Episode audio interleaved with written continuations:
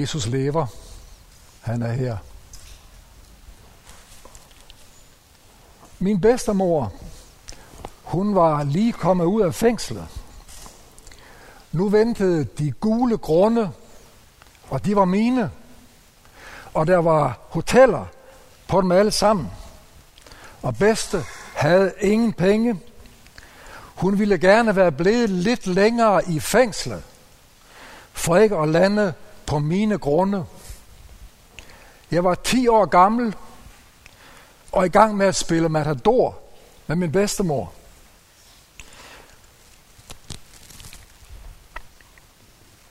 Jeg havde det hele.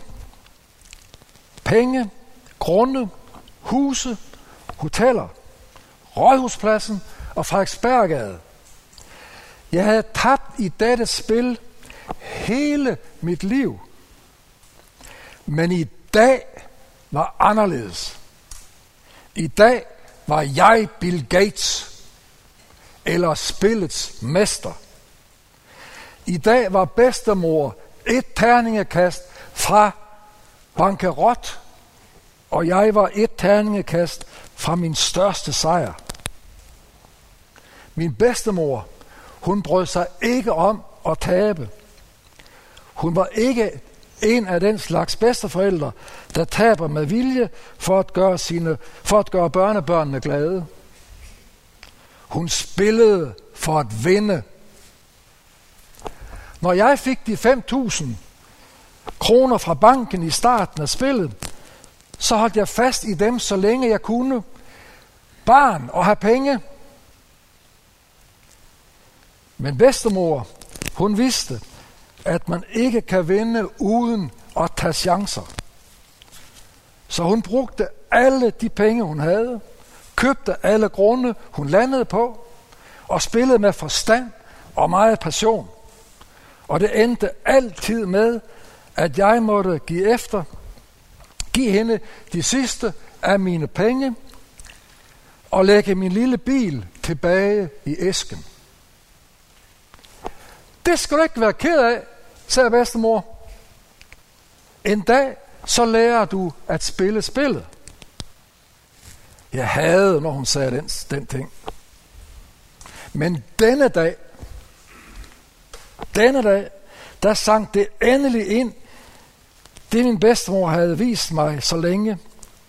Ubarmhjertigt bankede jeg hende af brættet. Det var det største øjeblik i mit liv. Jeg havde vundet. Men min bedstemor, hun havde endnu en ting at lære mig. Den vigtigste lektie kommer, når spillet er slut.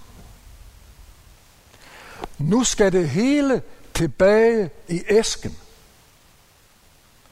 Alle huse, hoteller, alle grundene, Rådhuspladsen, Kongens Nytorv, alle færgerne, alle de mange penge. Når spillet er slut, så skal det hele tilbage i æsken. Det skulle stå som et evigt minde om mine evner ud i spillet. Forgylde, så andre kunne beundre min succes – men intet af det var mit. Ikke i virkeligheden. Når vi tjekker ud af det her liv, så må vi aflevere det hele til den store mester i himlen. Det er bare til låns. Det er ikke vores. Det hele skal tilbage i æsken. Sådan fortæller John Ortberg i sin bog, når spillet slutter. En fantastisk bog. Nu er vi ved alle helgens dag, og der mindes, mindes vi og minder hinanden om, at en gang så slutter spillet for den enkelte af os her på jorden. Der er nogen, der tror, at når det slutter, så er det slut, så lægges du i den hvide æske, og så er det færdigt, ikke mere. Men for den, der tror på Jesus Kristus, så er der en ny begyndelse. Det var jo det, han sagde, at jeg er opstandelsen og livet. En hver, som tror på mig, skal leve, om han end dør og bliver lagt i æsken. De prøvede at slå Jesus ihjel og lægge ham ned i æsken og holde vagt over ham. Men han opstod påskemorgen og sagde, jeg lever, og I skal leve. Og det er derfor Paulus også kunne sige, død, hvor er din brød? Død, hvor er din sejr? Men Gud skal tak, som giver os sejren ved vor Herre Jesus Kristus. Det er ikke en sejr, vi har vundet, men det er en sejr, som han vandt, og en sejr, som vi kan tage imod, så vi vil, vil være på vinderholdet. Og vi vil gerne være på vinderholdet. Her har du chancen. Om du ikke har valgt ham som den gode hyrde i dit liv, så er han her, for Jesus lever, og han vil følges med os alle dage ind til verdens ende. David han siger i sin mest kendte salme, nemlig den 23., hvor han taler om, at Herren er min hyrde. Den bedste salme imod al stress og alt det, som kan forurolige os alle. Han siger, Herren er min hyrde, jeg mangler intet. Der er ingen grund til at bekymre sig. Og alligevel er vi så fantastiske til at bekymre os. Jeg skal sige jer, der er ingen, der bliver født og bekymrer sig. Bekymring er noget, vi lærer.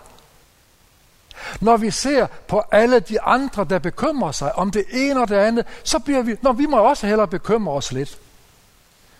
Men den gode nyhed er, at hvis bekymring er noget tillært, så kan det også aflæres. Og Jesus siger, at han vil være med os alle dage og siger, du kan ikke lægge en dag til dit liv ved at bekymre dig.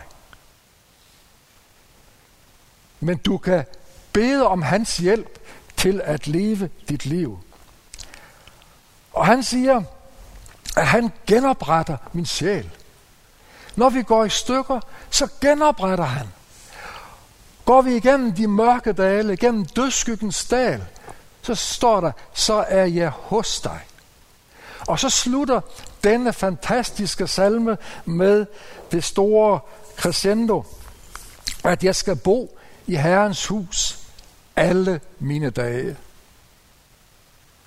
Det er ikke sådan en lille feriebesøg eller en lille visit en gang imellem, men jeg skal bo i Herrens hus alle mine dage. Det er det håb og den vandring, vi har foran os. Og det er så godt at have med her i en tid, hvor så mange bekymrer sig om fremtiden.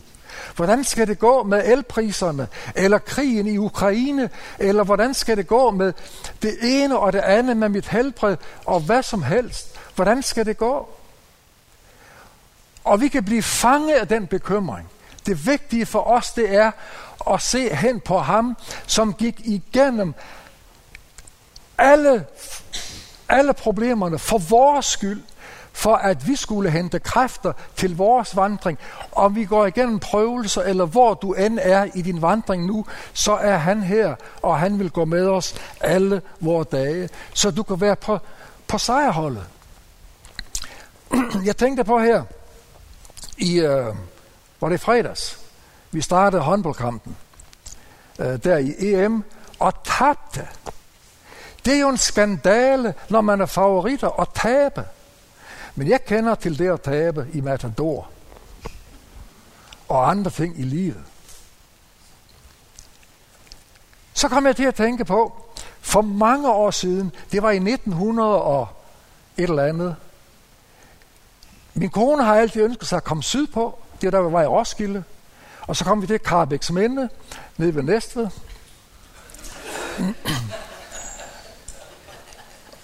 og, øhm, og der fik vi et sommerhus, der var en, der sagde, tag derned og, og tag nogle dage der. Det gjorde vi. Og det var lige mens der var EM i håndbold. Og vi ville så gerne have set det, men det var den gang, hvor man, man øh, kunne høre det i radioen, og så kunne man så blev det vist for skudt øh, sidst på, på aftenen. Og vi hørte det i radioen, gik en tur ned i Karabæks Minde, hvor der er tre huse og en krog. Gik ind og spurgte ham krogmanden der, om han skulle se håndbold senere på aftenen. Ja, for han lukkede først kl. 12. Okay, må vi komme og se med? Hellere end gerne, sagde han, så er jeg fri for at sidde alene. Og vi gik ned på krogen og skulle se håndbold. Vi kendte resultatet. Men det gjorde han ikke. Så det var jo bedøvende ligegyldigt, om vi var tre mål bagud, eller hvordan og hvorledes vi vandt. Vi kendte resultatet. Og sådan er det jo også med os som Guds folk i dag.